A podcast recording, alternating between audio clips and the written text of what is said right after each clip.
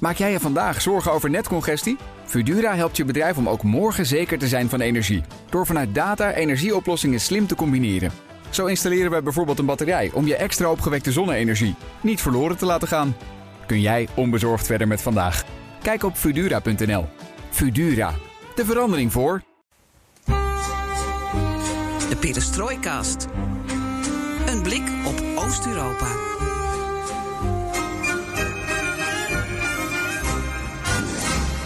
Welkom bij BNR Perestrooikast, de 77ste aflevering van de enige podcast van Nederland die volledig oog voor het, voor het oosten geeft en heeft. Ja, een klein sprongetje in de telling. Ik had zitten knoeien met die telling, vandaar nu aflevering 77. Dat betekent alle afleveringen, inclusief de perestrooi, korts en alle extra's bij elkaar opgeteld. Geert-Jan laat zich excuseren en je hoorde haar misschien al een beetje op de achtergrond uh, lachen. Uh, dit keer hebben we Miss Bosnië als co-host uitgenodigd. Ze maakte dit jaar de geweldige podcast getiteld De Val van Srebrenica. En dan hebben we het over Marjolein Koster. Welkom. Kleine introductie, kleine introductie. Je bent freelance journalist, bezoekt regelmatig Bosnië-Herzegovina voor verhalen, maakt dan prachtige dronevluchten. Ik geloof dat die inmiddels is gecrashed, die drone. In, uh... Uh, zoiets, ja. Ja, jammer, maar ik neem aan dat je alweer op zoek bent naar nieuwe. En dit jaar heb je dus die podcast uh, gemaakt. Dat was je al lang mee bezig, maar die is zeer goed ontvangen. En we gaan even luisteren naar een door jou gekozen fragment uit de eerste aflevering. Zoek je hem altijd hier eerst even op? Uh, ja, ik loop meestal uh, langs al deze namen. Een zee van witte paaltjes. 6634. Op een glooiende groene helling. En mijn dochter rent altijd vooruit, want zij wil de eerste zijn die uh, of zijn naam of zijn graf gevonden heeft. Ieder paaltje is een graf. Meestal van een man of een jongen die er in 1995 vermoord is. Ook de vader van Alma Mustafic ligt hier. En het is altijd een zoektocht. Al die grafstenen lijken zo op elkaar. Ze zijn identiek en de rijen zijn precies hetzelfde. En er zijn zoveel van.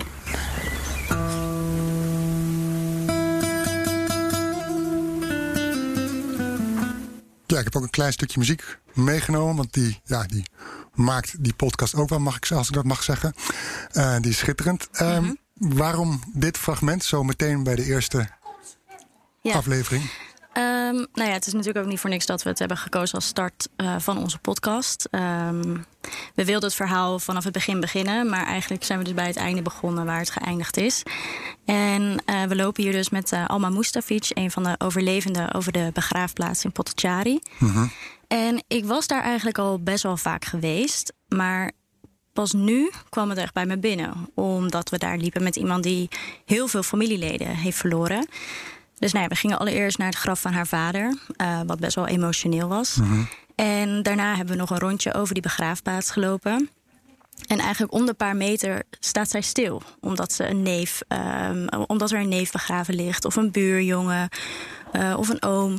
En zo ging het maar door. En nou, op dat moment kwam het voor mij persoonlijk zo erg binnen... hoe groot de impact is geweest uh, uh-huh. van die genocide in Srebrenica. Um, dus vandaar dat ik dacht, uh, laten we dat eventjes uh, horen. En de muziek is inderdaad, uh, daar waren we ook heel blij mee. Dat is van Damir Imamovic, Mhm, -huh. een van de bekendste Sefta-muzikanten uit Bosnië. Sefta? Sefta. Dat is de muziekstroming of de... Uh, is traditionele Bosnische muziek. Of nou ja, eigenlijk niet alleen Bosnisch, uh, Balkanmuziek. Mhm. Uh. En het, is eigenlijk, het heel, gaat heel ver terug. En je hebt een beetje die Oosterse invloeden vermengd met ook wel Westerse muziek. Um, en eigenlijk is dit, uh, Damir Imamovic is een van de muzikanten die die oude muziek, de Sefta-muziek, weer een soort nieuw leven in blaast. Dus het ook weer wat moderner maakt. Mm -hmm. um, dus nou, het is echt de muziek van de Balkan. Nou, ik ben blij dat ik dat ook nog meekrijg. Uh, want het was 25 jaar geleden, Srebrenica, dat we dat eventjes uh, in, in, in perspectief in ieder geval even zetten. Wat, waar, waarom je het hebt gekozen, 25 jaar geleden. Um, die podcast, dat is wel iets, toont jouw journalistieke pièce de résistance? um, Ja, want ik, ik ben me eigenlijk wel drie jaar geleden actiever met de regio gaan bezighouden met in gedachten. Uh, in 2020 is het 25 jaar geleden uh, na de oorlog in Bosnië. En um, dus ook 25 jaar na Srebrenica. En ik had wel altijd in mijn hoofd, ik wil dan graag een groot project doen rondom die 25 jaar. En nou ja, je, eigenlijk denk ik dus wel dat het met die podcast kan zeggen dat dat gelukt is. -hmm, dus zeker. daar uh, ben ik ook heel erg blij mee. En um, nou ja, het levert ook wel weer mooie nieuwe ja, kansen op. En sowieso het podcast maken. Ja, anders was... had je nooit gestaan natuurlijk. nee, precies. Daarom ben ik nu ook hier. Nou ja, ik moet wel zeggen, het was voor mij voor het eerst eigenlijk dat ik... Ik had nog bijna geen ervaring met audio maken. Mhm. Mm -hmm. En um, dus ook die podcast maken was voor mij een enorme leercurve. Um, dus het was nou ja, zowel denk ik inhoudelijk als ook, uh, ja, hoe zeg je dat, procedureel. Mhm. Mm -hmm. Voor mijzelf ook echt een, een ja, mooi leerproces. Ja, en blijft het bij deze Srebrenica-podcast of zit er nog meer in het vat? Um, qua podcast bedoel je? Of, nee, qua de thema's Srebrenica bedoel mm -hmm. ik. Nou ja, ik moet zeggen... Um, het is best wel een zwaar thema om jezelf continu mee bezig te houden. Het Mhm. is natuurlijk alles behalve leuk. Ja. Dus um, ergens dacht ik ook van, nou ja, nu ga ik weer lekker andere dingen doen. Maar nou ja, doordat je mensen leert kennen, doordat je verhalen hoort, uh, kom je ook weer op nieuwe ideeën. En zo ben ik samen met een Bosnische uh, journalist uh, eigenlijk samen aan het werken om verhalen te maken over Dutchbatters en Bosniërs die in Srebrenica eigenlijk vriendschappen hadden. Mhm. Omdat het, nou ja, in Bosnië staan Dutchbatters vaak niet echt positief bekend. En hebben ze nog best wel een beetje, hangt er een beetje negatieve framing omheen. Terwijl er ook heel veel goede onderlinge relaties waren. Mhm. Zeker zeg maar, als je gewoon op een niveau van soldaat en inwoner... waren er ook gewoon hele mooie connecties en hele mooie verhalen. Dus um, dat is iets waar ik mee bezig ben. En uh, verder hebben we nog allemaal stiekem geheime projecten die lopen. Ja, mij de taak om als journalist te ontfutselen. Maar Gaat je niet lukken. Uh, Oké, okay, zullen we nog wel zien.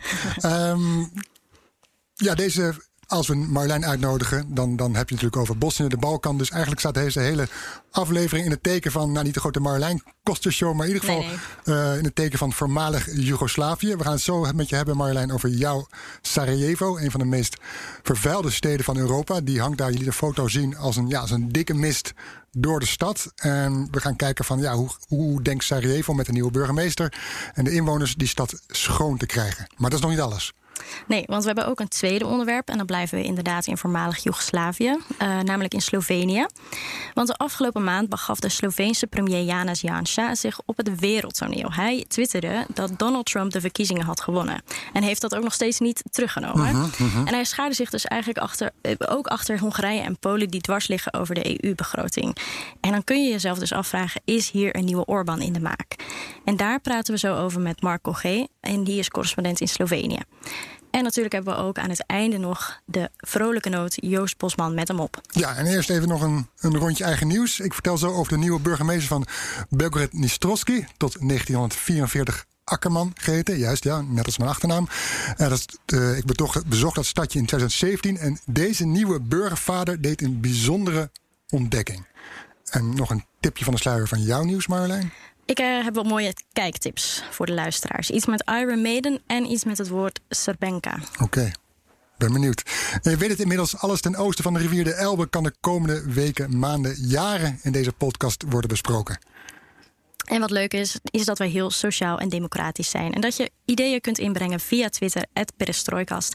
Of mail ons op perestrooikast.bnr.nl. Ik zie daar niks van, maar Floris en Geert-Jan die gaan ermee aan de slag. Zeggen ze, zeggen ze. Ik ben Floris Akkerman. En ik ben Marjolein Koster. En dit is BNR Perestrooikast.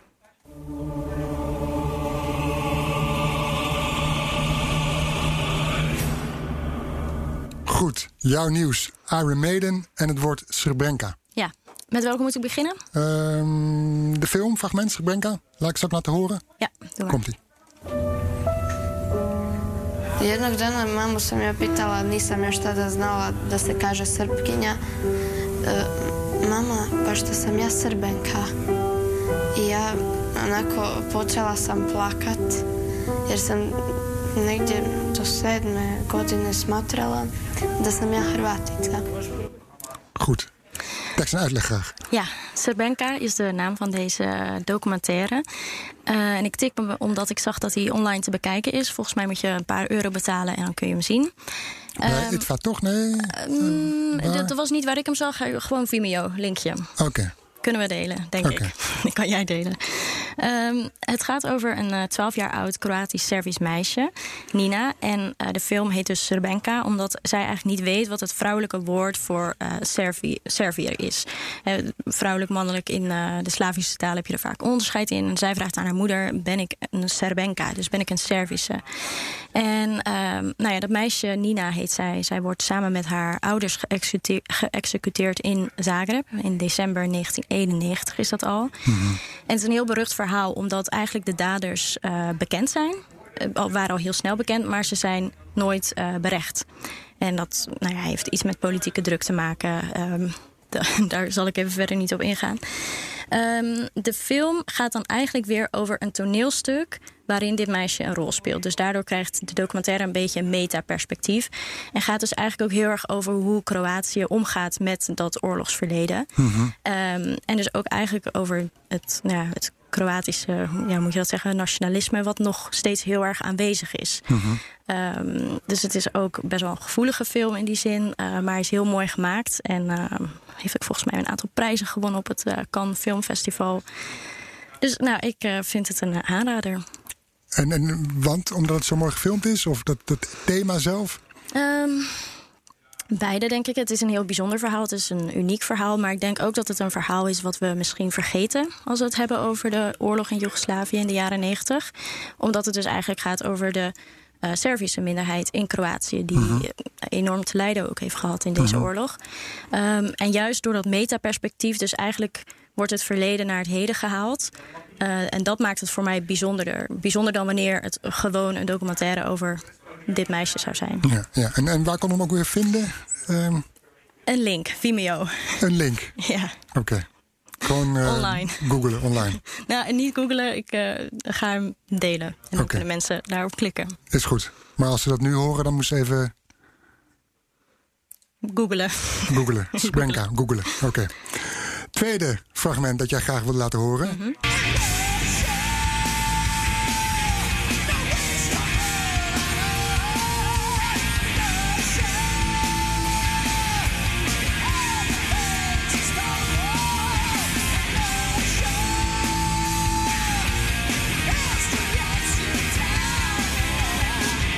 Is jouw favoriete muziek. We zien jou Hack Bennett, ja, Bennett ja. eh, door de kamer, door Bosnië met je drone.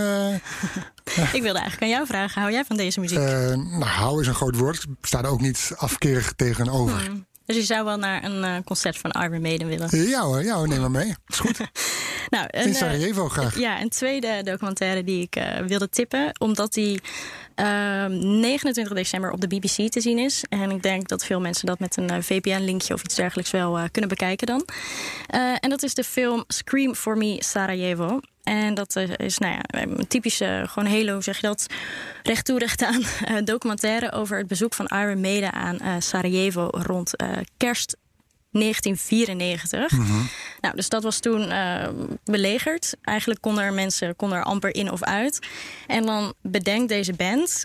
laten we een kerstconcert gaan geven. Nou, het is echt van de zotte. Wie, wie bedenkt dat? Het is hartstikke onveilig. Eh, waarom zou je je leven wagen voor een concert? Maar toch gaan ze het doen. En het leuke van dit soort eh, documentaires is, of het leuke is misschien niet helemaal het goede woord. Het mooie van dit soort documentaires is, is dat je dus eigenlijk aan de hand van een heel klein verhaal, nou ja, een groter verhaal vertelt. Want de, nou ja, de situatie in Sarajevo op dat moment wordt meegenomen. Eh, hoeveel het betekent voor de mensen dat zo'n band naar hen toe komt. Eh, dat deze mensen in Sarajevo eigenlijk weer voor één avondje eventjes kunnen ontsnappen aan Ja. die situatie. Ehm, ja, en gewoon heel goed gemaakt. Is echt een van de beste documentaires die ik ooit gezien heb. Zo, dat is niet, eh, dat is niet mis. Nee, zeker niet. 29 december dus op de BBC. Ja, Oké. Dankjewel graag gedaan. voor deze kop en ehm, jij had ook nog eh, nieuws. Ja, het is altijd soms lastig te speuren. Maar toen kwam ik op dit bericht. En ja, daar kon ik niet omheen. Eh, we hadden het in aflevering 73 hadden Geert-Jan en ik het over de burgemeestersverkiezingen in Oekraïne. Toen vroeg Geert-Jan mij. Wie is de winnaar van de verkiezingen in Belgrad-Nostrovski? Hè, Dat West-Oekraïnse stadje, wat, wat ik al zei zo even, dat tot 1944 Akkerman heette, mijn achternaam dus. En ik was daar in de zomer om, van 2017 om die stad te begrijpen, te beschrijven. En ik moest toen het antwoord op, althans moest toen, in november toen we die opname maakten, op eh, het antwoord op Geert Jans vraag schuldig blijven. Dus ik ben erin gedoken. Ja, nu weet je het wel. Ja, Wie nu is weet deze wel. man of vrouw? Eh, het is een man. Hij luistert naar de naam Vitali Grajdan. Heel toevallig, Grajdan, burger. Dus hoe, to- hoe toepasselijk voor een burgemeester. Hij is geboren in 1978, weet je dat ook. En hij komt uit de partij Oppositieplatform voor het Leven. Dat is de partij die geboren is uit de opgeverpartij van de regio's van president, oud-president Viktor Yanukovych, die in 2014 naar Rusland vluchtte. En dan weet je ook dat het een partij is die, die eh, ja, eh, warme banden koestert met Moskou, met Rusland.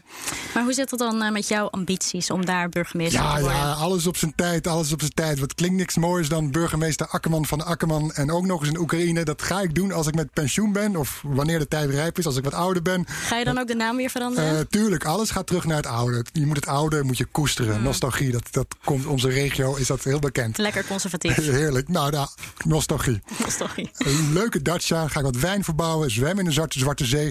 Zo nu dan een podcast opnemen met jou of met Geert-Jan eh, vanuit mijn tuin. En eh, mooi, mijn, al mijn vrienden op mooie functies eh, zetten. Maar goed, deze Grasdan die is fanatiek bezig op Facebook. En die eh, schreef deze week dat hij een bijzondere ontdekking in zijn werkkamer had gedaan. Hmm, dit klinkt als het begin van een spannende film. Nou, eh, misschien een heel slecht scenario eh, schrijver. Maar in ieder geval, hij schreef op zijn Facebookpagina deze week een avondverrassing. Wat bleek tijdens de installatie van een van beveiligingsalarmsystemen zijn drie camera's ontdekt in zijn kantoor en één in de ontvangstruimte. Camera's. Hm. Camera's, ja. Die dus alles eh, 24 uur maal 7 alles opnemen. Ehm, bij zijn bericht had hij ook een foto gezet van een camera in een rookmelder. Om te laten zien van, hé, hey, ik, eh, ik, ik, ik, spel- ik, ik vertel geen, geen onzin. Politie erbij gehaald. En ja, nu schrij- zo schreef hij, wordt er nagedaan, eh, nagegaan wie dit heeft gedaan en waarom. En hij richt zich tot degene die, dit, die hier achter zich zit en schrijft... Dacht je nou echt dat ik zo stom zou zijn om mijn kamer niet te controleren op apparatuur? Ja, dat in, in dat soort landen moet je dat toch wel even doen. Want voor je het weet word je als, als burgemeester, ambassadeur of wie dan ook... eh, word je afgeluisterd in je eigen werkkamer of in je hotelkamer... waar je eventjes, eh, als je een stad bezoekt... Maar is normaal toch? Eh, Ja, daarom. Dat- Ja, precies. Ja, je, moet, je moet er gewoon van eigenlijk blind van uitgaan dat het gebeurt. Hij hint er in ieder geval op dat iemand dat heeft gedaan... die natuurlijk niet blij is met zijn komst als burgemeester... en heeft aangekondigd dat naast het politieonderzoek... hij ook zelf op onderzoek gaat. Zelf op onderzoek. Ja, ja, ja. En dus- het niet echt een heel vlekkeloos begin van zijn eh, Eh, burgemeestersperiode. Ja, ik, ik heb zijn Facebookpagina nog gevolgd. Hij is er verder niet op teruggekomen. Hij houdt binnenkort eh, houdt hij een, een, een livestream op Facebook. Dus misschien komen er dan vragen van, van, van inwoners van hoe zit het nou met deze zaak. In ieder geval, ja, typische Oekraïense intriges alom. Dus ja, deze rel, deze camerarel in, in mijn Akkerman maakt in ieder geval één duidelijk. Je hebt een burgemeester daar nodig die boven de partijen staat, Marjolein. En Ja. ja, dat kan er maar eentje zijn. dat zijn? Ja, precies. Dus eh, ik, eh, ik, ik ga even denken over een goede slogan. Doe je best.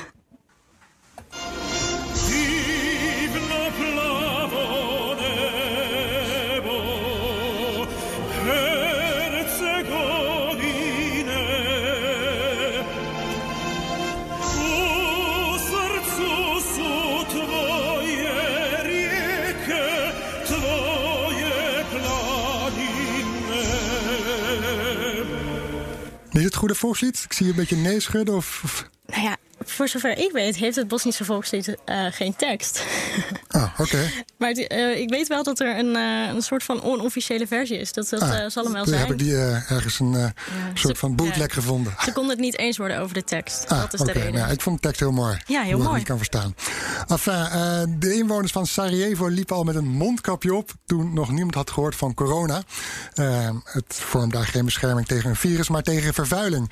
Sarajevo was in januari dit jaar zelfs de meest vervuilde stad ter wereld... als ik een artikel van Marjolein Koster mag geloven. En de rest van Bosnië-Herzegovina staat ook niet bekend als bepaald schoon. Even luisteren naar dit campagnefilmpje.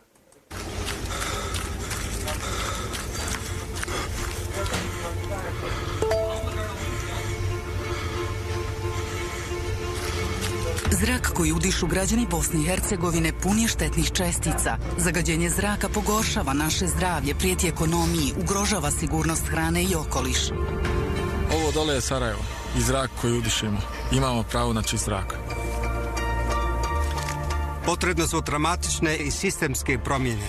Zdravija budućnost zahtjeva djelovanje vlasti, ali i građana u pravcu smanjenja otpada, korištenja adekvatnih energenata, poticanje energetske učinkovitosti i alternativnih načina transporta.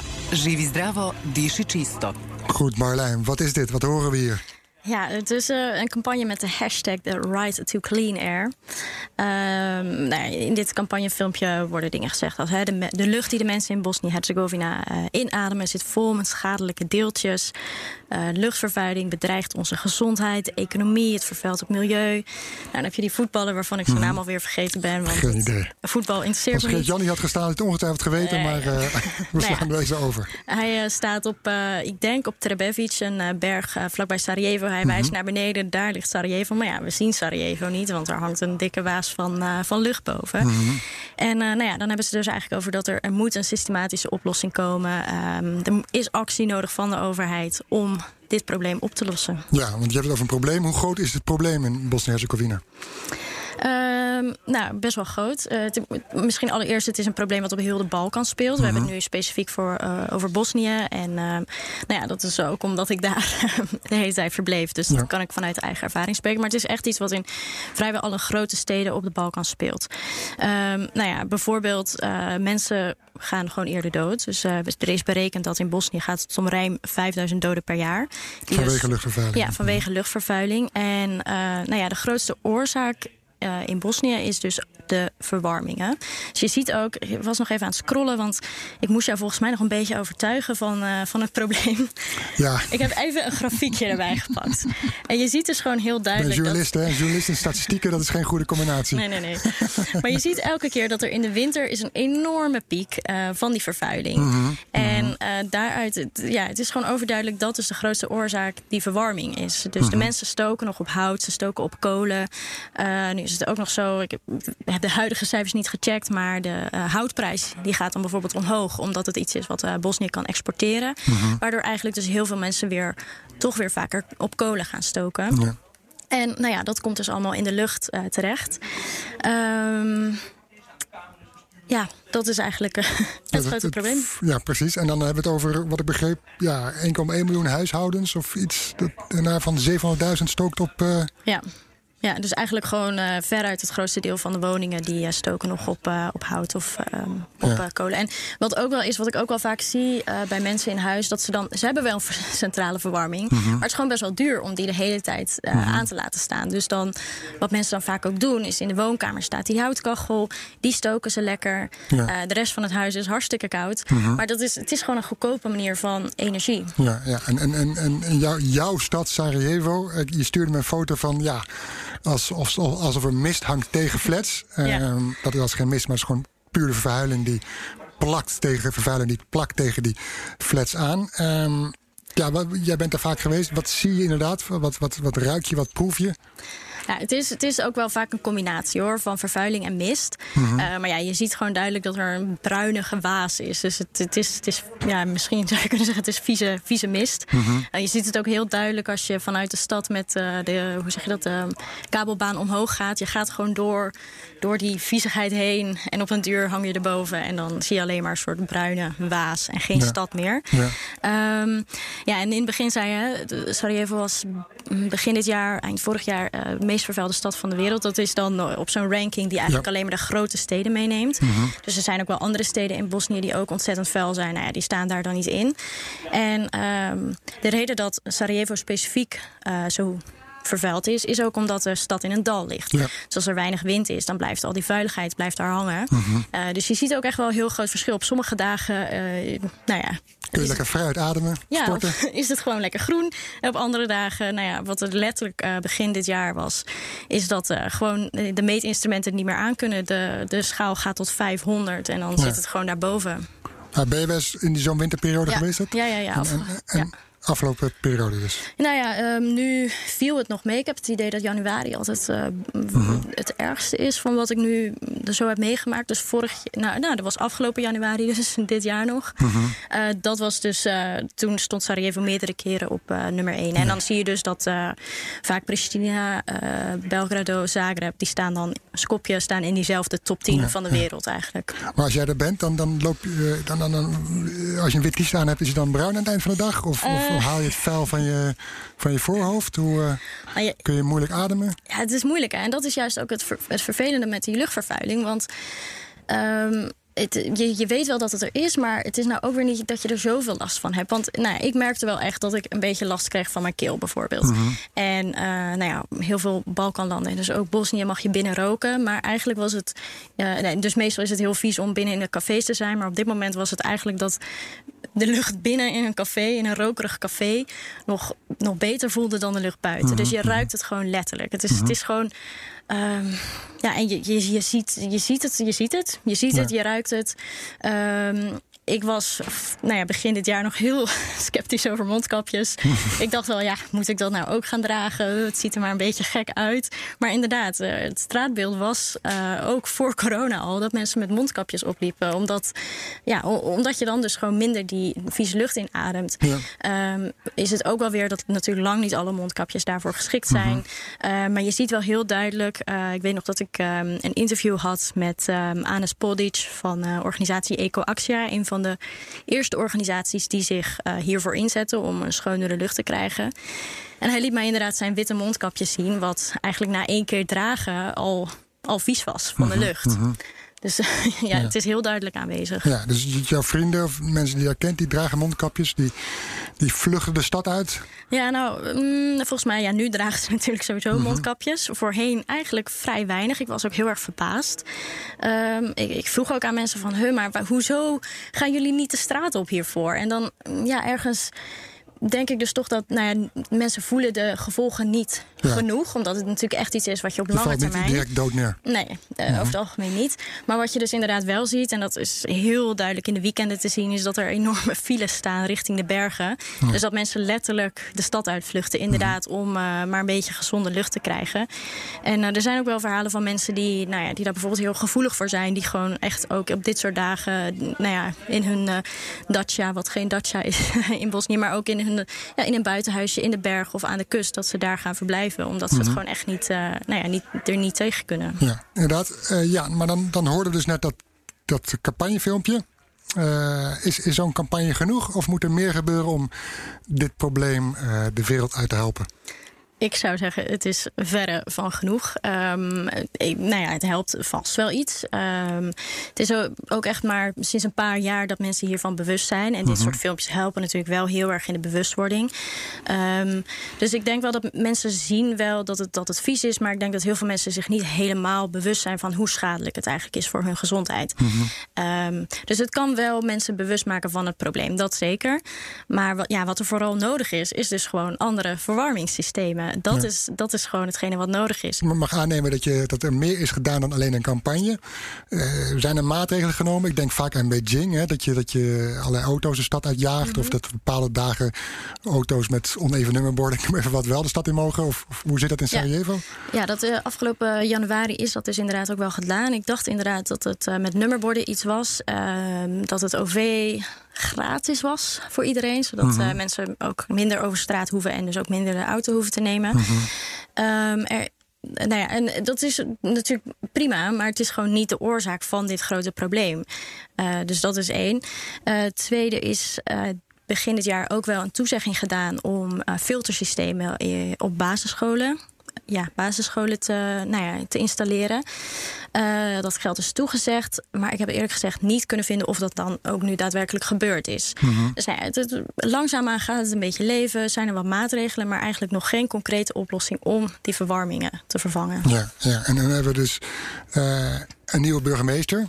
Ja. Als ik het goed heb. Dat is nog een beetje een ingewikkeld verhaal geloof ik. Met allemaal kantons en, en, en, en deelraden of deelwijken. Maar het gaat geloof ik om Bogic Bogicevic. Mm -hmm. uh, dat is een nieuwe man die sinds uh, vorige maand... Ja, vorige week is hij volgens mij pas vernoemd. Uh, vernoemd. Um, heeft hij dan milieu hoog op zijn agenda staan?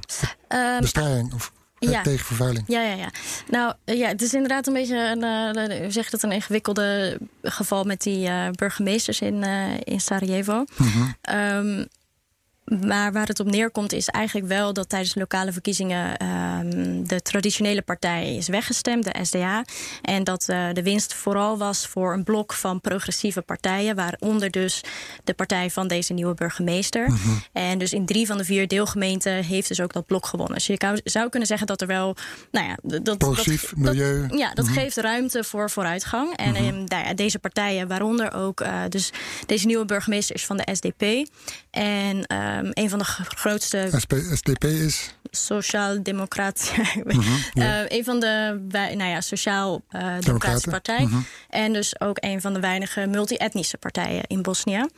En een andere partij die heel erg wint, vooral ook in Sarajevo, ook wel in een aantal andere delen, maar vooral eh, Sarajevo is Nasja Stranka. En dus ook de premier van het kanton Sarajevo, die is van Nasja Stranka. En beide partijen zeggen wel regelmatig dat eh, deze luchtvervuiling belangrijk voor hen is om dat op te lossen. Dus dat het op de agenda staat. Dus ook die premier van het kanton Sarajevo, dat is de persoon die eh, begin dit jaar initiatief nam om die luchtfilters op de scholen te installeren. Ehm, dus aan de ene kant zou je zeggen, nou, we hebben goede hoop. Aan de andere kant is dus eigenlijk al ja, sinds de landelijke verkiezingen, waar dus dat kanton Sarajevo verkozen is, is er eigenlijk ook niet echt veel veranderd. Dus ik merk ook wel bij vrienden, die hebben zoiets van ja, die partij belooft dat wel. En ze zeggen wel dat ze het willen, maar eigenlijk ja, verandert er alsnog niet heel erg veel. Nu zou, ja, ik denk dat ik over het algemeen een positief ingesteld persoon ben. En denk ook, nou ja, voorgaand, eh, voor dus de land, eh, lokale verkiezingen hadden ze nog te maken met eh, coalitie van een andere partij. Dus is het misschien ook moeilijker om die veranderingen echt ehm, er doorheen te krijgen. En nu, eigenlijk heb je in heel Sarajevo wel dat dat progressieve blok nou ja, op allerlei plekken de macht heeft. Dus ja, aan de ene kant zou je zeggen, we hopen het. Aan de andere kant, er is ook wel gewoon geld nodig om dat te doen. En dat is ja, toch wel altijd een lastig punt in Ja. Bosnië. Want jij zegt eigenlijk moeten die, die houtkachels, die steenkolen, die kolenkachels moeten, moeten eruit, hè? Dat is de oplossing. Ja, de huidige wel. Dat betekent niet dat je niet meer op hout kan stoken. Maar je kan ook efficiëntere kachels installeren... waardoor minder vervuilde deeltjes in de lucht komen. Dat is een Mhm. Maar oplossing. ge- gebeurt het ook? Of hamert de overheid er ook op? Nee, De- de- eh, het, ik heb er nog niet voorbij zien komen. Nee. Nee. En, en de landelijke overheid, we hebben het nu over de stad Sarajevo, maar je Mhm. hebt gezegd het probleem speelt ook in andere steden. Eh, de, de, de, de regering, wat zit hier er bovenop? Of is er, is er wel wil? Is er, geld is een probleem, maar is er wil? Is er een idee? nou ja, aan de acties te zien denk ik dat er niet echt politieke wil is. Ehm, eh, een voorbeeld daarvan is dat ze eigenlijk bezig zijn met de bouw van een nieuwe eh, kolencentrale in Tuzla. Tuzla is ook een van de meest vervuilde, eh, ge- ja, hoe zeg je dat? Eh, steden en ook de omgeving van Tuzla is nou, een van de meest vervuilde van Bosnië en dus ook van de wereld. Ehm, en daar ja, zijn ze gewoon doodleuk de grond aan het klaarmaken om een nieuwe kolencentrale neer te zetten. En ehm, nou ja, het zou eigenlijk ter vervanging van de oude kolencentrales zijn. Maar nu blijkt dat eh, niet, nou ja, van die oude kolencentrales worden ook niet alle afdelingen gesloten. Dus eigenlijk gaat Bosnië gewoon meer kolen pro- eh, produceren. Ja, ja. Nou ja, en om zo'n enorme investering, het is overigens ook nog eh, in samenwerking met, eh, met China, Eh, een heel ander onderwerp natuurlijk. Maar om zo'n enorme investering terug te verdienen, moet zo'n kolencentrale natuurlijk ook tientallen jaren meegaan. Ja.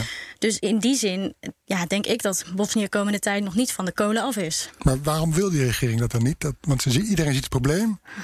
Eh, ja, geld is het enige wat ik kan bedenken. Het is Mhm. gewoon een goedkope manier van energie krijgen. En ehm, het is in die zin ook gewoon een gewild product. Want mensen stolen graag op kolen omdat het goedkoop is. Mhm. En ja, armoede speelt daarin wel gewoon een grote rol. Er zijn echt mensen die gewoon anders niet hun, hun huis warm kunnen krijgen. ja, ja, ja. Dat is eigenlijk ja, de enige, of in ieder geval de, de grootste verklaring ervan. Mhm.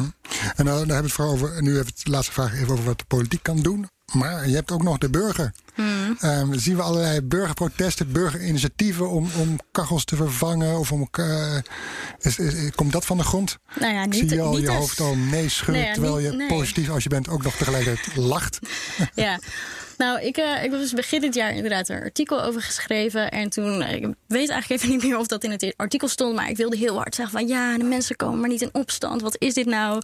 Nou, en toen, volgens mij op de dag dat het artikel uitkwam, was er een protest. Ehm, slecht Sorry, bezocht. Mhm. slecht bezocht, dat wel. Ehm, volgens mij in eh Tuzla en Zenica, dus echt eh, heel erg verveeld. Eh, Dat zijn ook steden die niet alleen in de winter, maar ook door dus die kolencentrales ook in andere, hoe zeg je, andere delen van het jaar heel erg vervuild zijn. Die zijn al iets vaker de straat op gegaan. Maar over het algemeen, ja, nee, voor dit zijn de Bosniërs niet echt, niet echt warm te krijgen. Ehm, omdat ze sowieso niet van het protesteren zijn? Of? Nou, ze zijn enorm van het protesteren. Uh, maar ja, de, de, verklaring die ik dus kan vinden... is dat ze gewoon niet direct de gevolgen ervan ondervinden. En misschien toch ook wel dat ze... Uh, nou, ik zeg nu, ze zijn enorm van het protesteren. Dat is in ieder geval het beeld dat ik afgelopen tijd heb gekregen. En dat is ook wel echt meer de jongere generatie. Uh, want diezelfde Anes uh, Podic, dus hij is wel echt activist. Hij is echt een van de voorvechters die hiermee bezig is. Waarmee jij mij sprak, toch? Uh, ja, die heb ik in januari geïnterviewd. En hij zegt, ja, we hebben ook wel een beetje een problematische verhouding met protesteren. En daar verwees hij mee naar het begin van de oorlog.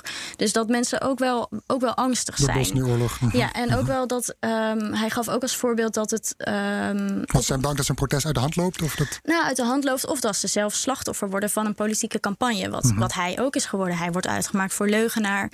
Um, artsen die. Um, die hier over zichzelf uitspreken. Die zeggen van ja, maar hallo, kijk eens eventjes hoe, hoe schadelijk dit is politiek, jullie moeten hier aan iets aan doen. Artsen worden gewoon ontslagen, dus die durven zich ook niet echt uit te spreken. Dat was een beetje de afgelopen, wat zal het zijn, tien jaar het geval. En ik heb het idee dat er dus nu wel iets meer bewustwording komt en dat het ook iets, um, nou, iets meer geaccepteerd of, of dat mensen zich vrijer voelen om zich er tegen uit te spreken. Maar ja, die verwarmingen, dat uh, ja, is nog niet ja. echt onderwerp van discussie. Of het is weer onze westerse blik van nou, dan ga je toch de straat op en dan wat, waarom doe je dat niet?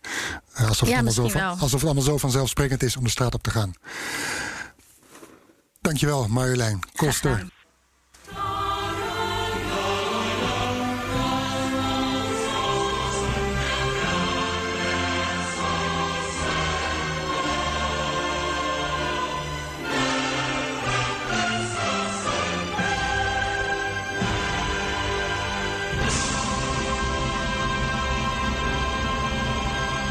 Marlijn begon al een beetje zwierig te dansen op dit volkslied. Um, opeens was hij daar, vanuit het niets leek het wel. De Sloveense premier Janis Jansa, als ik het goed uitspreek met het... Uh, Sja. Sja, Jansja, twitterde een dag na de Amerikaanse verkiezingen. Hij schreef: Het is vrij duidelijk dat de Amerikanen hebben gekozen voor Donald Trump. En voegde hij, dat hij eraan toe dat de massamedia de feiten van Trumps overwinning ontkenden. Diezelfde maand, afgelopen november dus, liet Jansja opnieuw van zich horen. Hij schaarde zich achter Polen en Hongarije, die op dat moment weigerden akkoord te gaan met een nieuwe EU-begroting. Nou, en zulke uitspraken verwacht je niet uit dit kleine, vredelievende land, dat nou ja, ik vooral ken van de sprookjesachtige natuur. En het land geldt, of misschien dus gold, ook wel als rolmodel voor integratie met de EU. Door uh, lage criminaliteitscijfers, uh, hoge mate van persvrijheid, uh, grotere gendergelijkheid dan weer veel westerse landen hebben. Dus wat is er aan de hand in Slovenië? De perestrojkast en ikzelf ook wil dat maar al te graag weten. Wie is deze Jansja? En is hij, uh, gaat hij de Hongaarse premier Orbán achterna? Juist, en daarom, om het allemaal even duidelijk uit te leggen, hebben we Mark Corgé, als ik het goed uitspreek. Ja, klopt. Uh, vanuit Slovenië, correspondent en wielrennen in Slovenië bij ons te gast. Waar zit je nu momenteel, Mark? Uh, ik zit nu in Ljubljana. Ah, de hoofdstad, als ik me niet vergis. Ja, gewoon uh, thuis, want we mogen uh, de gemeente waar ah. we wonen niet verlaten. Ja. En uh, we worden allemaal geacht ook thuis te werken. Nou, goed dat je thuis zit. Komt ons perfect uit ja. namelijk. um, nou, we gaan zo meteen met je eventjes in deze premier duiken, om het zo maar te zeggen. Um, Marjolein, die heeft in Slovenië gestudeerd. Mm -hmm. Dus die, die, die valt uh, zo nu dan eventjes Mark bij of juist af. En komt ook even tussendoor natuurlijk met een vraag als co-host.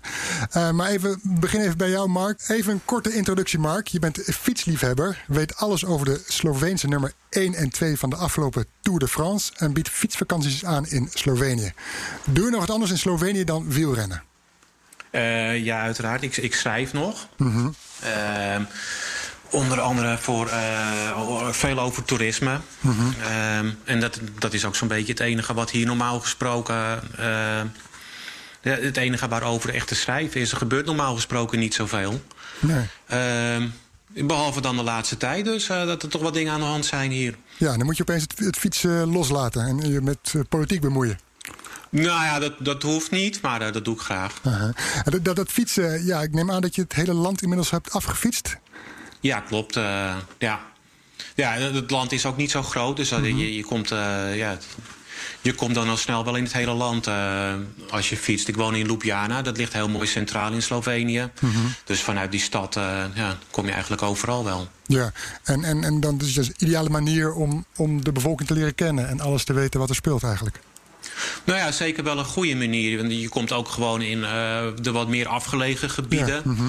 En eh, ja, je leert ook wel de gewone mensen kennen als je daar komt. Eh, op de fiets heb je het ook nog wel eens als je, dat je mensen tegenkomt die een stukje met je mee fietsen. Of Hmm. als je ergens stopt onderweg, eh, heb je toch wel gauw mensen die een praatje aanknopen. Dus ja, dat is wel een goede manier om, Ja. om een land te leren kennen. Ja, ik ben zelf vaak in Rusland. Ik weet niet of het zo verstandig is om, om het op die manier te doen. Maar goed, je kan ergens beginnen. Moskou ben je misschien Ja, al ja, eh, precies, een ja. maand bezig, op zijn minst. ja, dat wel heel lang fietsen. Ehm, ehm, dan is Bosnië-Herzegovina misschien ook wel weer geschikt. Ja, te veel bergen. Te veel bergen. Ja, Marjolein heeft liever een vlak Nederlands landschap. Als het om fietsen gaat. Ja. Ehm, van de fiets naar de politiek. Ehm, we willen Ja. graag weten, ja, wie is deze eh Jansja? Ja, Want hij heeft een, een rijk politiek verleden.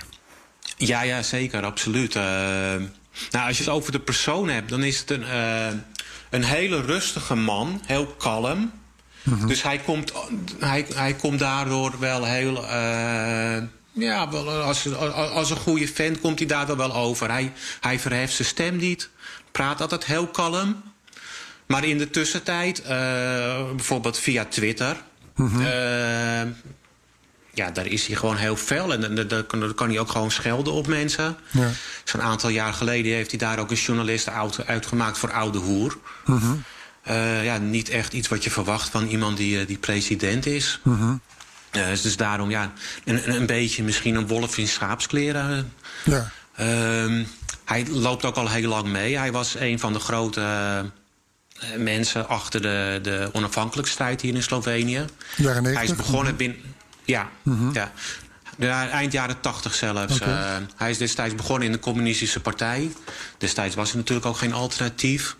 Ehm, als journalist, hij schreef, eh, was dissident. Eerst door een artikel eh, die het eh, bewind niet echt welvallig was, is hij ook eh, in de gevangenis terechtgekomen. Ehm, en daardoor eigenlijk gelijk een eh, volksheld geworden. Omdat hij in gevangenis Ehm, belandt, als, dan word je volksheld in Slovenië? Eh, ja, omdat het, het, het, was een artikel gericht tegen het, destijds tegen het bewind. Eh, en als je daardoor in de gevangenis komt, eh, was dat destijds toch wel een reden om volksheld te zijn. Want hij nam het dus op voor eh, hè, de bevolking. Ja, En, ja. en voor een onafhankelijk Slovenië. En dan nu is hij inmiddels, jij heeft geschopt tot premier. En, en wat, ja, wat voor de derde keer premier. Mhm. Ehm, de eerste keer was in 2004. Eh, toen werd hij premier juist doordat hij wat gematigder was geworden. Ehm, en in 2004, ja, ook, eh, Slovenië was toen net bij de EU. Ja. Eh, en in zijn regeerperiode zou hij ook nog de euro eh, adopteren. En eh, Slovenië was in die periode ook nog eh, EU-voorzitter. Dat was in 2008. Oké. Maar inmiddels ontpopt hij zich dus tot een, ja, moeten we zeggen, een rechtse hardliner. Ja, wat hij in feite altijd wel was, maar nooit eh, echt zo heeft laten zien. En het wordt de laatste tijd laat hij dat toch wel meer zien. eh. Ja, ja. En die, dat lidmaatschap van de Europese Unie, is dat dus ook iets wat mensen heel erg aan zijn eh, presidentschap of premierschap, ehm, nou ja, waar ze dan naar terugdenken van, nou, we hebben dat dankzij hem, of, of maak ik het dan weer te groot? Nee, nee, nee, want dat is al voor zijn. Ja, hij is altijd wel bij de politiek betrokken geweest. Dus in de tijd dat Slovenië de, eh, bij de EU kwam. ehm, toen speelde hij ook nog wel een rol, maar dat, dat is niet dankzij hem. Alhoewel hij wel altijd pro-Europees is geweest. Mhm. Ik hoor een paar keer president, maar hij, we hebben het toch steeds over het premierschap hè, van, van hem. Ja, ja, nou, Premier, ja. moet je zeggen, hier, hier zeggen ze eh, president van het land. Ah, op die manier. Ah, vandaar de... Eh, Of een president van de staat, zo moet ik het zeggen. Je hebt natuurlijk een president als staatshoofd. Dat is Borut Pahor, dat is weer eh, een linkse politicus. De Instagram held. En, ja, precies. eh, ja. ook fietsliefhebber. liefhebber. Ja, Ja. en hardloper ook. Oh, kijk eens aan. en hardloper. Nou, het, ja. eh, het wordt gezellig met z'n drieën jullie. Ga Ja. door, ga door. Ja, uh, waar waren we gebleven? EU of? Uh, nee, nee, de president is de Instagram. In ieder geval dat je dus je hebt een president van de staat en. Uh... Ja, ja, ja. Een, een, staatshoofd als president. Ze hebben natuurlijk geen konings, koningshuis. Dus de, de, het staatshoofd is een president gekozen. En Janscha is dus premier, oftewel president van de, van de regering. Ja, oké. Okay. Marjolein, jij kent deze Janscha, jij kent hem ook goed, toch? Nou ja, goed zou ik niet willen zeggen. Uh, maar ik heb dus een tijdje in uh, Ljubljana gestudeerd. Dat was een uitwisselingsprogramma en dat was uh, ja, 2012, 2013. En ja, ik was toen eigenlijk helemaal niet met politiek bezig. Maar um, ik, ik werd wel geïnteresseerd doordat ik protesten op de straat zag. En volgens mij zijn het wel. Slovenië staat totaal niet bekend als land dat veel um, demonstreert. Maar nu, nu dus wel. Dus ineens de straten liepen vol met mensen. ik dacht, wat is dat nou? Dus toen ben ik mezelf een klein beetje aan in gaan verdiepen. En dat was eigenlijk rond de tijd dat uh, deze Janscha... en ook um, de, volgens mij oud-burgemeester van Ljubljana... en burgemeester van Maribor... dus echt een beetje de politieke elite op dat moment... die uh, zaten in een corruptieschandaal. En ik denk dus ook dat... want um, de regering van Janscha is toen ook met een motie van wantrouwen uh, weggestemd... En toen is dus ook die veroordeling tot uh, twee jaar cel gekomen. En ik denk dus mm -hmm. ook dat dat is waar jij het over had, uh, mm -hmm. Mark, toch in het begin? Ja, klopt. Ja, precies, ja. Uh, inderdaad, die protesten van 2012, 2013, die waren wel vrij uniek hier. Die waren ook heel groot. En dat, dat, was niet zozeer gericht tegen alleen Jansja, maar dat was gewoon tegen links en rechts. Mm -hmm. Dus gewoon tegen de algehele politiek. er waren meerdere corruptieschandalen destijds. En de mensen waren dat goed zat en zijn allemaal de straat op gegaan. Je wil nog wat toevoegen, Marjolein? Of? Uh, nou, eigenlijk niet. Nee, oké, oké. Okay. Uh, want uh, dat is ook de periode, even voor de, voor de duidelijkheid, Mark, dat jij in Slovenië neerstreek, toch? Ja, ja, ik ben hier in 2012 gekomen. Toen waren die protesten nog niet. Ik kwam in de zomer. Die protesten zijn in het najaar zijn die begonnen in de stad Maribor tegen de, de burgemeester van Maribor. Mm -hmm. En die zijn vervolgens overgewaaid naar, naar andere steden. Ja, Nou ja, eigenlijk is de enige andere stad in Slovenië is Ljubljana. Je hebt maar twee steden, Ljubljana en Maribor. Oké. Okay. Elke andere plaats die ze stad noemen, dat is in feite gewoon een dorp. Ja. En als we kijken even naar die Janscha. Hij, hij, is nu premier. Is dat uh, uh, op een, een soepele manier gegaan? Ja, ja. Hij, uh, de verkiezingen waren in 2018. daar was hij wel, mm -hmm. zijn partij was wel de grootste. Ze hadden 25% van de stemmen. Uh, maar vervolgens uh, is hij buitenspel gezet en hebben andere partijen een coalitie gevormd. Waarom uh, is hij nou buitengesloten? Hij is toch niet zo geliefd hier bij de Slovenen. Dus, mm -hmm. en ook, ook vooral niet bij de andere partijen. Ehm, dus ja, samenwerking met andere partijen dan die van Jansja, dat gaat een stuk makkelijker. Ja, hij is, hij is niet populair, of populair vanwege die standpunten, die felle uitlatingen. Ja, precies. Ja, ja. ja. En, en, en, maar aan de andere kant heeft dus wel Slovenen achter zich die, die op hem stemden. En, en neem ja, aan, toch, absoluut. En neem aan toch Een, een, een substantieel deel, deel van de bevolking. Ja, en dat is het grote punt. De, de, zijn aanhang is hem ontzettend loyaal. Mm -hmm. uh, die, die, uh, de kwart, uh, dat kwart dat hij heeft, dat, dat heeft hij altijd. Het neemt wel iets af. Uh, ja. Op zijn hoogtepunt had hij 30% van de stemmen. Nu is dat gezakt naar 25. In de peilingen staat hij momenteel op 20. Dus het neemt mm -hmm. wel steeds wat meer af. Mm -hmm. Maar uh, zijn partij, de SDS... en in feite is zijn partij... dat Jansja is de SDS en SDS is Jansa... want hij is uh, gewoon onbetwist leider van die partij. Mm -hmm. um, ja, die hebben een, echt een hele trouwe aanhang. ze hebben ook 30.000 leden... Ja. Um, ja, dat is ontzettend veel in een land waar je maar 2 miljoen inwoners mm -hmm. hebt. En, en, en waarom kiezen je deze, uh, uh, die 20% of 25%, uh, waarom kiezen ze voor hem? Wat maakt het voor deze groep hem, hem zo aantrekkelijk? Um, hij heeft steun van de kerk. Hij spreekt conservatieve kiezers aan. veel van zijn supporters zijn ook wat ouder. Mm -hmm. En hij is natuurlijk een bekend figuur in de politiek. Dat helpt ook meestal wel. Mm -hmm. Ja, naar mijn ja, idee heb ik altijd. Uh, ik heb altijd het idee gehad dat Slovenen heel erg progressief zijn. Zo heb ik ze ook leren kennen in die tijd dat ik er was. Maar heb je de samenleving ook zien veranderen in de afgelopen jaren dat je daar woonde? Of is het dus inderdaad iets wat er altijd al was? Nou, ik denk vooral, uh, er is nogal een groot verschil tussen, in Slovenië tussen Ljubljana en de mensen in Ljubljana ja. en daarbuiten. En, en buiten Ljubljana wonen natuurlijk meer mensen in Slovenië dan in Ljubljana. En uh, ja, buiten Ljubljana, daar zit je gewoon op het platteland. Dat hier in Slovenië dan niet zo plat is. Maar ja, daar zit je in valleien, die, bijvoorbeeld die helemaal afgesloten zijn van de, van de buitenwereld. En waar mensen erg op zichzelf wonen. En ja, die, die zijn wel wat conservatiever. En ook uh, ja, bang, wat banger voor veranderingen en, uh, en dergelijke. Mm. En dat is ook waar dus Janscha zijn, zijn uh, kiezers vandaan haalt. Ja, ja. ja, ja. Ik dacht altijd, maar dat is misschien mijn naïviteit. Hè, Slovenië, keurig braaf land. Uh, Marjolein zei het al in de introductie. Uh, het land waar nooit wat gebeurt. Het vond als ja. eerste van alle landen uit de voormalige Sovjet-Unie... Uh, voormalige Sovjet-Unie, uit voormalig Joegoslavië... als eerste aansluiting bij de EU en de NAVO.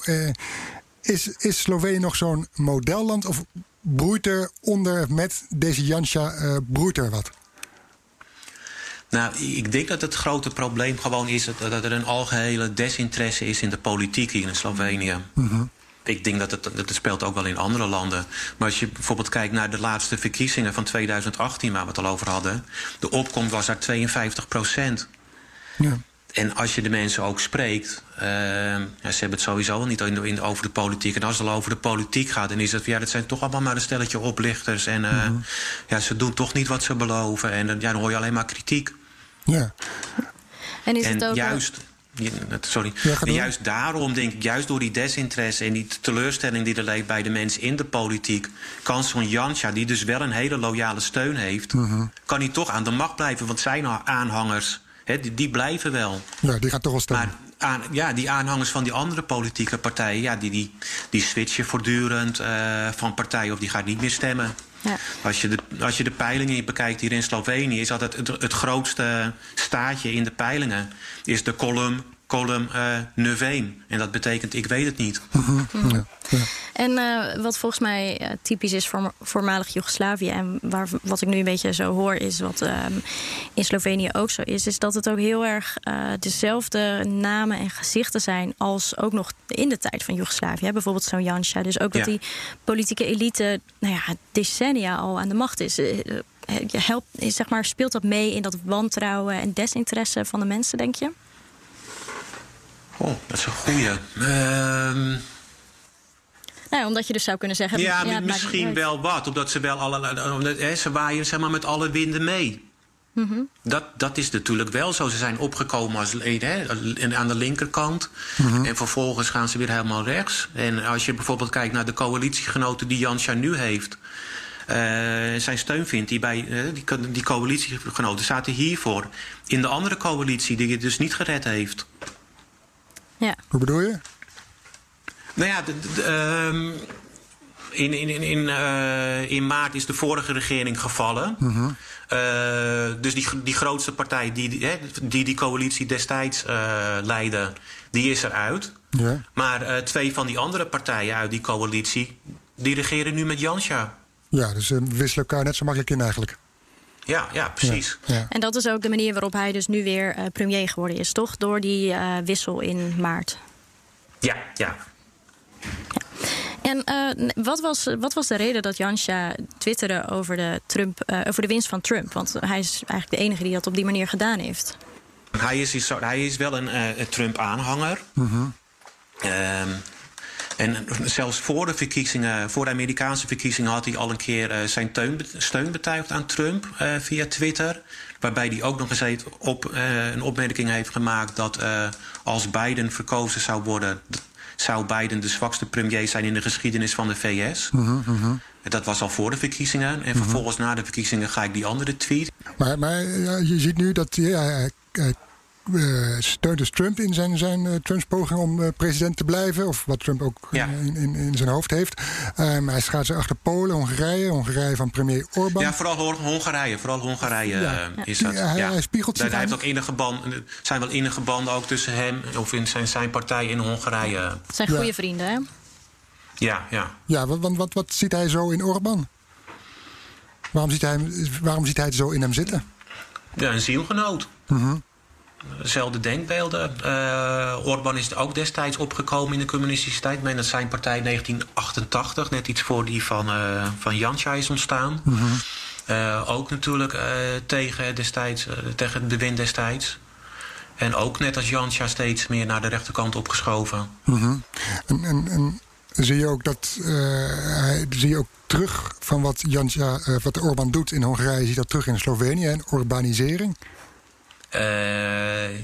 Ja, ehm, wat je vooral ziet is dat er een aantal uh, aan Jansja en SDS gelieerde media zijn die gefinancierd worden door uh, aanhangers van Orbán.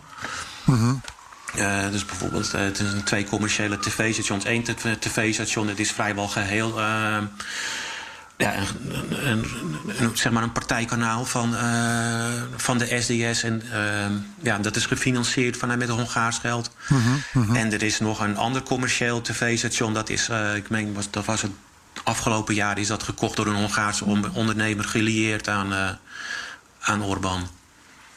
En dan is er nog eens een weekblad, dat ook dan weer, dat is van een parlementslid van de SDS en een Hongaarse ondernemer. Oké, oké. Okay. Is dat het enige als we kijken naar, naar de pers? Of zie je ook getorn aan de rechtsstaat zoals in Polen? Uh, zie je daar ook uh, dat, soort, dat, dat soort zaken spelen? Uh, noem het hele palet maar op eigenlijk.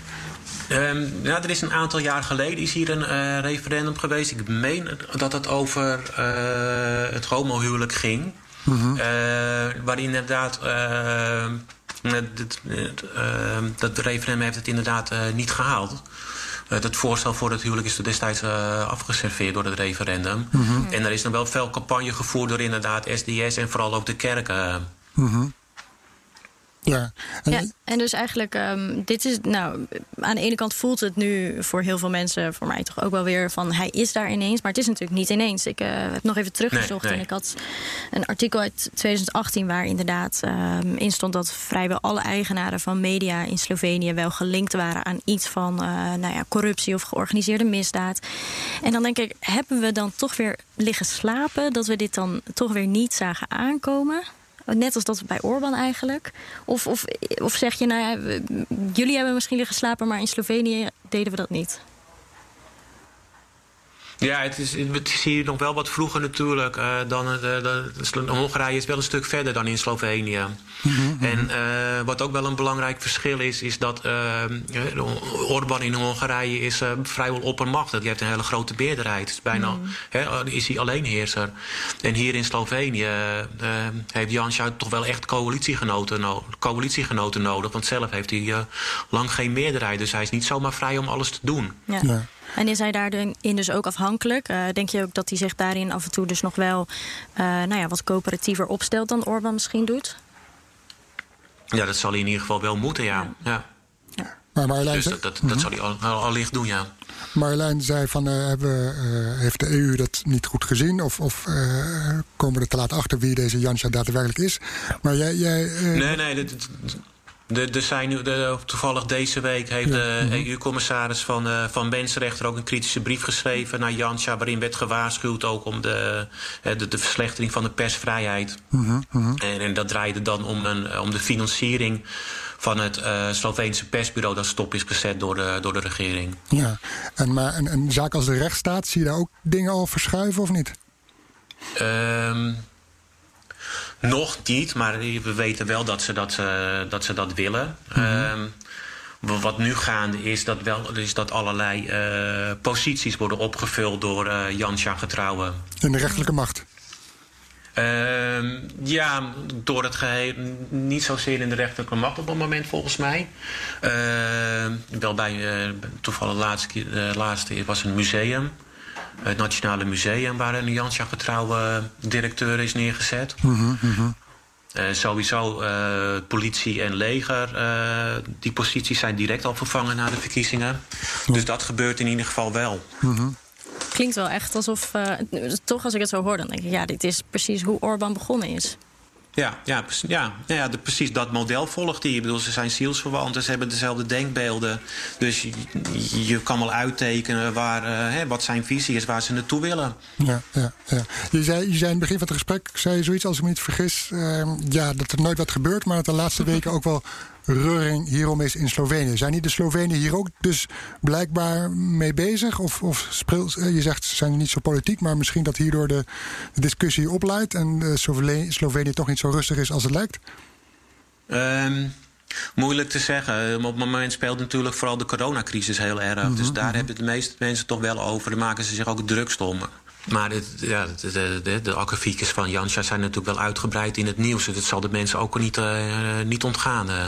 Ja. En ook nog natuurlijk uh, de, de, de coronamaatregelen. Die, die, die vinden toch steeds minder steun. we zijn nu, nu bijna twee maanden in een lockdown. Mm -hmm. En de steun daarvoor neemt steeds meer af. En de irritatie bij de mensen ook. En ja, ze wijzen daar ook natuurlijk wel de, de regering Jansja voor aan. Ja. Dus dat, dat doet hem geen goed. Mhm. Mm -hmm. En uh, we hadden het ook al even over de president, uh, Borat. Borat, Borut Pahor. Borut, Borut Pahor, ja. Borut. Um, want hij heeft dus een volledig andere politieke uh, mening en een ander, zit op een ander spectrum. Um, ja. Op welke manier ja, merk je daar iets van? Want die twee, het lijkt me niet dat die heel goed kunnen samenwerken dan. Nee, nee, nee dat zal, zal, zeker niet zijn. Want die hebben totaal verschillende denkbeelden. Uh, nee, maar de, de, de, functie van uh, de, de, uh, de macht van de, van de is beperkt. Dus eigenlijk het enige wat hij kan doen en wat hij dan ook doet... is oproepen tot dialoog. Ja. En mm -hmm. daarbij houdt het zo'n beetje op wat hij kan doen. Nou ja, en uh, mooie foto's delen... zodat we toch allemaal nog een uh, ja, leuk positief ja. beeld hebben van Slovenië. Ja, ja dat, dat, dat, van hele mooie foto's van zichzelf delen... daar is hij, uh, daar is hij gek op, meneer Poor. Ja. Maar toch nog even terug naar, naar, naar Jansja. Ik begrijp dat Marjolein het heel graag over heel Instagram graag, wil hebben. nou, we gaan zo meteen de foto's van hem bekijken van die president. Um, als Jansja dat twittert hè, over Trump... en als hij zich achter Hongarije en Polen schaart wat betreft die EU-begroting toen ze er nog niet uitkwamen. Inmiddels ligt er alweer wat anders op tafel. Ja, vervult dat de Slovenen met trots? Of uh, denk ze van, goed, goed dat je dat zegt, die, die, uh, die Jansja op Twitter voor Trump? Of, of schamen zich ervoor? Of wat, wat, wat, wat merk je daaruit van? Wat schrijven de krantenkoppen? Er is heel weinig over geschreven, moet ik eerlijk zeggen. Mm -hmm. Dus er is een, een weinig commentaar ook. Uh, maar echt blij zullen ze er ook niet mee zijn, neem ik aan. Want ook de Slovenen zien het niet. Die, die zijn toch over het algemeen dan pro-Europees, pro-EU, pro-Westers. Ja. -hmm. Ja, maar moet ik ook zeggen, uh, uh, dat is wel een punt. Uh, Jansja, maar ook Orbán en, en, in Polen, ze zijn wel pro-EU. Ja. ze willen absoluut de EU niet weg hebben. -hmm. Ze willen alleen een EU meer naar hun hand. En ik denk dat dat ook juist het gevaar is uh, voor de EU. Niet zozeer dat die landen de EU verlaten, mm -hmm. maar dat ze gewoon de EU willen veranderen. Ja, want jij ziet dus Slovenië, dat Slovenië zich in de toekomst meer gaat gedragen als, ja, als nieuwe dwarsligger van Brussel, als ik dat zo hoor. Nou ja, dat hoop ik dus niet. Maar dat, dat verwacht ik eigenlijk ook niet. Omdat de, de, de steun natuurlijk voor Jansja maar beperkt is. Mm -hmm. um, op dit moment wordt, uh, zijn andere partijen weer bezig om te kijken of ze een, een nieuwe coalitie weer kunnen uh, vormen. Dus mm -hmm. Of, deze, of hij, nou, hij haalt het niet meer met deze regering. Of tijdens de volgende verkiezingen komt er wel weer een ander. Dus ik denk dat hij daar niet uh, genoeg macht voor heeft. Ja, heeft maar het is wel iets uh, waarvoor opgepast moet worden in Europa, denk ik. Dat, hè, dat Polen, Hongarije en niet steeds meer uh, medestanders krijgen. Ja, maar voorlopig is Jansja dus in zekere zin nog geketend. Althans, in ieder geval kan hij, heeft hij niet ja. daarna voorspeld ja. dat hij Slovenië helemaal naar zijn hand kan zetten in de, in de geest van Orbán. Precies, maar dit is wel iemand om wel even op te letten. Ja, oké, okay, dankjewel Mark Corgé correspondent en wielrenner in Slovenië. En boek een fietsvakantie via zijn site mijnslovenië.com. Uh, Joost, goed dat je er bent. Ja. Uh, we hadden ja. het net even over uh, Slovenië en de Sloveense president. En Marjolein is nogal erg verkikkerd op de Instagram-account van de Sloveense president. Je zou me even, even een foto laten zien. Uh. oh, ik ga jou een foto laten ja, zien. Ja, want die maakt me nu wel oh. nieuwsgierig. Ja, nou ja, dan kies ik toch even gewoon wat er op mijn beeld staat. Kijk nou. Ja, sympathieke man, laat ik het daarop ja. houden. Enfin. Ja? Um, hebben, hebben, Poetin heeft die een sexy Instagram-account. Dat zou wel bij hem passen, of niet? Ik, ik heb het eigenlijk nooit gezocht, zelfs niet op Twitter. ik weet dat, dat, dat ministeries het hebben, maar Poetin, geen idee. Okay. Eerlijk gezegd. Hey, we hebben helaas niet Geert-Jan, maar dus Marjolein in de, in de uitzending. Ja, uh, als, als dag co-host. Dag Joost. Kijk, uh, dag. Zo, dag. Joost, uh, ja, is een geval apart. Um, ja. um, Daarom ook weggestuurd naar Rusland. Precies. Mm. We hebben vaak onbegrijpelijke moppen. Althans, wij, Jan en ik begrijpen hem niet. Maar, Jullie uh, begrijpen ze niet. Dat zeg ik ook. Ja. Maar Marjolein mm -hmm. uh, is wat dat betreft... Ja, als Dim het begrijpt, dan heb je een probleem, Joost. Het ligt toch echt aan jou. Kom maar door. Dus, dus ja? vertel okay. maar. Nou, ik heb een, ik heb een redelijk actuele mop. Uh, zoals je weet, uh, afgelopen uh, week heeft Rusland de tomatenimport uit Azerbeidzjan, mm -hmm. Turkije en Oezbekistan aan banden gelegd. Omdat daar schadelijke insecten in zouden zitten. Mm -hmm. Nou, zoals je weet gebeurt dat vrij vaak op het moment dat er wat politieke dingetjes spelen. Hè? Met Turkije en Azerbeidzjan was het nou zo dat uh, Azerbeidzjan. Is het nou de mop of geef je ons even een, een, een historisch actuele politieke een, aanleiding? Even een, even een inleiding, zoals ik okay. dat vaker okay. uh, Floris. Een beetje geduld. Ja, we liggen in de touwen, man. Ga door. Ja, nou, de mop is heel, de mop is heel kort, oh, dus weet maar niet wat. ja, ik bedoel, inleiding is veruit langer. Mm -hmm, veruit ja. het langst. Maar goed. als je bent. Uh, ja, fijn. Uh, Azerbeidzjan en Turkije vierden deze week de, de, de, de overwinning tussen aanhalingstekens in Nagorno-Karabakh. Mm -hmm. En dat vond Rusland toch niet zo leuk. Die vond eigenlijk uh, ja, dat uh, uh, Turkije zich daar een beetje buiten moest houden. Azerbeidzjan moet dat niet vieren, want het is toch een tragische gebeurtenis tussen twee voormalige Sovjetlanden. Dus zegt Moskou, weet je wat, we pakken jullie op je tomaten. Nou, nou zitten de twee Russen die, die, die zien dat nieuws en die praten met elkaar. Zegt hij tegen de ander, ja, zegt hij. Ik begrijp er niks van. En dan moet je me nou toch eens uitleggen. Waarom hebben alle vijanden van Rusland allemaal de verruk, verrukkelijkste producten die we niet meer kunnen invoeren. Tomaten, uh, lekkere groentes, uh, gachapuri, hè. Uh, maar ook uit Europa. Parmezaanse kaas, Spaanse ham, weet ik het. kunnen we allemaal niet meer invoeren omdat ze van de vijanden komen. En waarom, moet je me uitleggen, waarom hebben alle vrienden van Rusland zelf niks te vreten?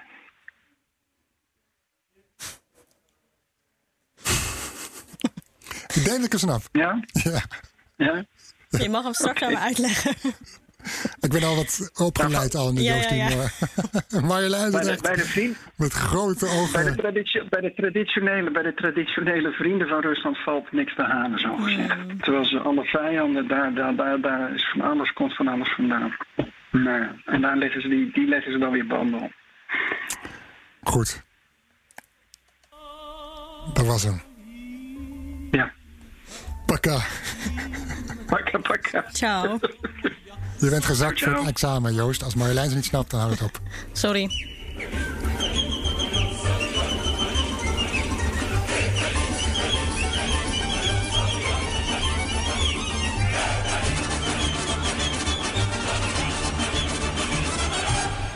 Maak jij je vandaag zorgen over netcongestie? Fudura helpt je bedrijf om ook morgen zeker te zijn van energie. Door vanuit data energieoplossingen slim te combineren. Zo installeren wij bijvoorbeeld een batterij om je extra opgewekte zonne-energie niet verloren te laten gaan. Kun jij onbezorgd verder met vandaag? Kijk op Fudura.nl. Fudura, de verandering voor